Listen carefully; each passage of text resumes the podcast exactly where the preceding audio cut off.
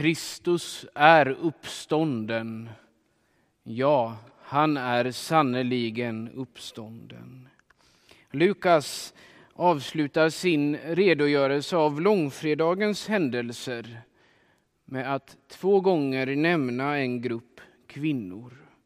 De fanns med vid korset, stod och såg allt sammans på avstånd. De fanns med då Jesu kropp togs ner från korset och lades i graven. De återvände sedan hem och där gjorde de i ordning välluktande kryddor och oljor och tillbringade sabbaten, lördagen, i enlighet med lagens bud. När sabbaten sedan var över, när lördagskvällens tre första stjärnor syntes på vårhimlen i Jerusalem dröjde kvinnorna något ytterligare till gryningen nästa dag, vår tideräkning, så att säga på morgonen alltså, innan de gick tillbaka till graven och fann den tom. Att det var i gryningen som kvinnorna kom till graven är ingen oviktig detalj. Det betyder att när uppståndelsen ägde rum var det mörkt på jorden. Ja, den ägde rum i gravens mörker.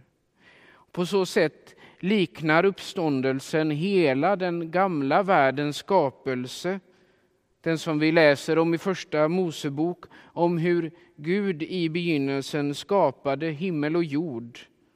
Och så står det, jorden var öde och tom, djupet täcktes av mörker. I den nattmörka tomheten skapar Gud den oordnade världen.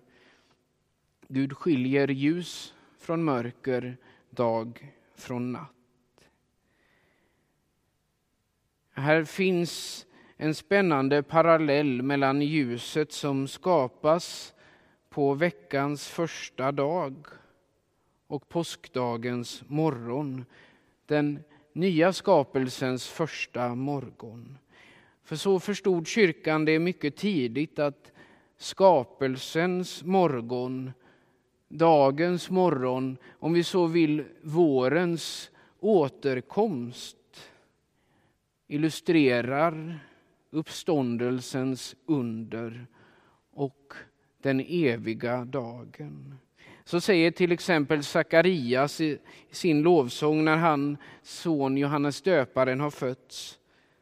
Han ska komma ner till oss från höjden, en soluppgång för dem som är i mörkret och i dödens skugga och styra våra fötter in på fredens väg. Och på Bibelns sista sida läser vi i Uppenbarelsebokens 22 kapitel. Och det ska inte mer bli natt och ingen behöver längre ljus från någon lampa eller solens ljus, ty Herren Gud ska lysa över dem.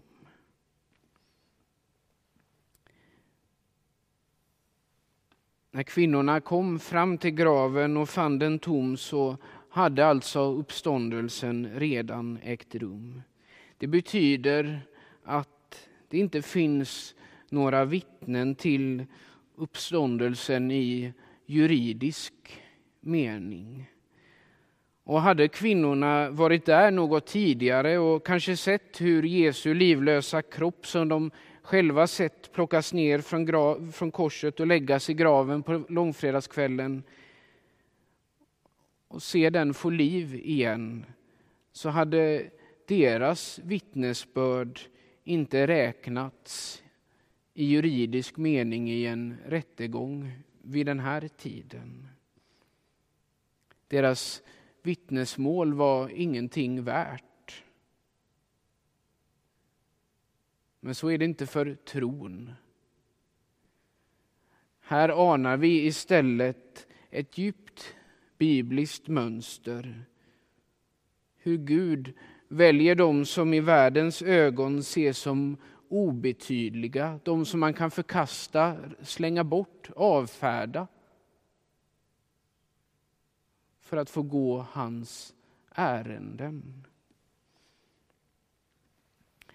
Trots allt så verkar nu Gud presentera två vittnen för kvinnorna. Och det står hos Lukas att det är två män. Vilka då? Änglar? Eller vill Lukas, när han nämner också de skinande kläderna, föra våra tankar tillbaka till förklaringsberget, då en grupp av lärjungarna fick se Jesus stå och samtala med Mose och Elia. Är det de två som Lukas vill få oss att tänka på? Oavsett vilka det var så är det deras ord som är centrala. Kom ihåg, kom ihåg vad han har sagt till er. Det är deras ord. En påminnelse till oss om att läsa Bibeln, läsa Guds ord och att vi ska få se ordet uppfyllt när Jesus uppstod från de döda. När kvinnorna hörde männen repetera Jesu förut, egna förutsägelser mindes de, står det.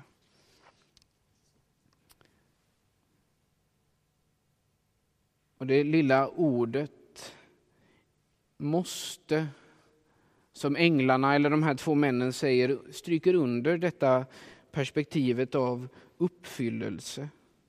Det betyder att det som har hänt ligger i linje med en gudomlig plan.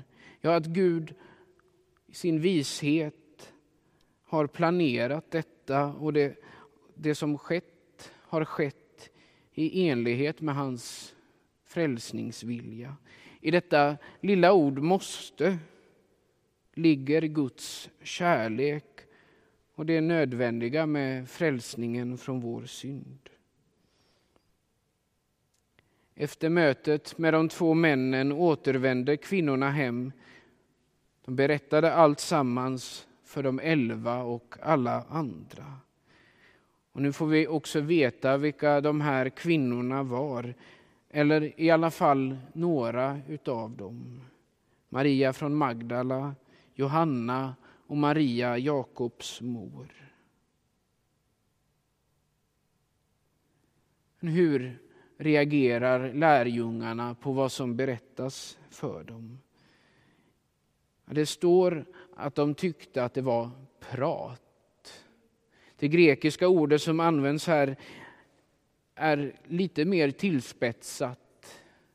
betyder tomt prat. Och I vardagsgrekiskan så användes det för, för, för att tala om fantasifulla berättelser som hittades på av sjuka eller människor som talade helt främmande. Ja, det där är bara tomt prat. Innan vi går vidare, finns det några likheter mellan oss och lärjungarna? De är förtvivlade.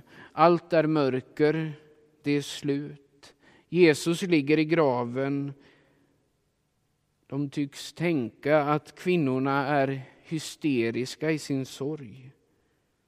De kan för egen del inte tänka sig ett gudomligt ingripande. Och vem kan klandra dem? Kanske kan deras världsbild, och vår också för många gånger, liknas vid ett stängt påskägg. De lever i det, vi lever i det kan inte tänka att det finns någonting utanför påskäggets väggar. Men nu har Gud gläntat på locket. Ja, han har inte bara gläntat på locket utan öppnat locket. En ny värld blir möjlig. I deras förvirring deras avfärdande finns en begynnande gryning. Ja, här finns också en vilja att undersöka. Petrus bokstavligt springer till graven, berättar Lukas. Här finns en brådska, en förväntan att själv ta reda på, att själv se, att få vara med. Vi kan jämföra det med hedarna i julnatten som liksom till kvinnorna kunde räknas till de lätta att avfärda, de obetydliga. De som fick Guds ord och fick gå hans ärenden. Och vad står om dem? Jo, det står att de skyndade sig in till Betlehem. Och se, allt var som kvinnorna hade sagt Petrus. Han undersöker själv och han såg bara linnesvepningen ligga där. Han grips av förundran, av iver och förundran. Men vi får komma ihåg att han och de andra lärjungarna, kvinnorna inräknade, var inga troshjältar vid den här tidpunkten. Men Jesus visar sig för dem och de blev helt övertygade om att han lever. Och de handlar sedan därefter. Jesus höll sitt löfte och de kunde nu se lidandet och korset ur uppståndelsens perspektiv. Ja, må Herren ge oss något av denna, detta, denna påskdagsmässa när vi om en stund bjuds fram för att med kupande händer eller direkt på tungan ta emot honom när han visar sig för oss. Dukarna som vilar här framme på altaret det är en påminnelse om linnesvepningarna som kvinnorna och Petrus såg ligga i graven. På dem läggs brödet, på dem ställs vinet. Genom dem, brödet och vinet, får vi ta emot honom. På uppståndelsens sida av korset blir allt annorlunda. Det blir en kärlekshandling. För oss utgiven, för oss uppstånden. Guds måste är en kärlekshandling till oss. Ära vare Fadern och Sonen och den helige Ande, så som det var av begynnelsen, nu är och skall vara, från evighet till evighet. Amen.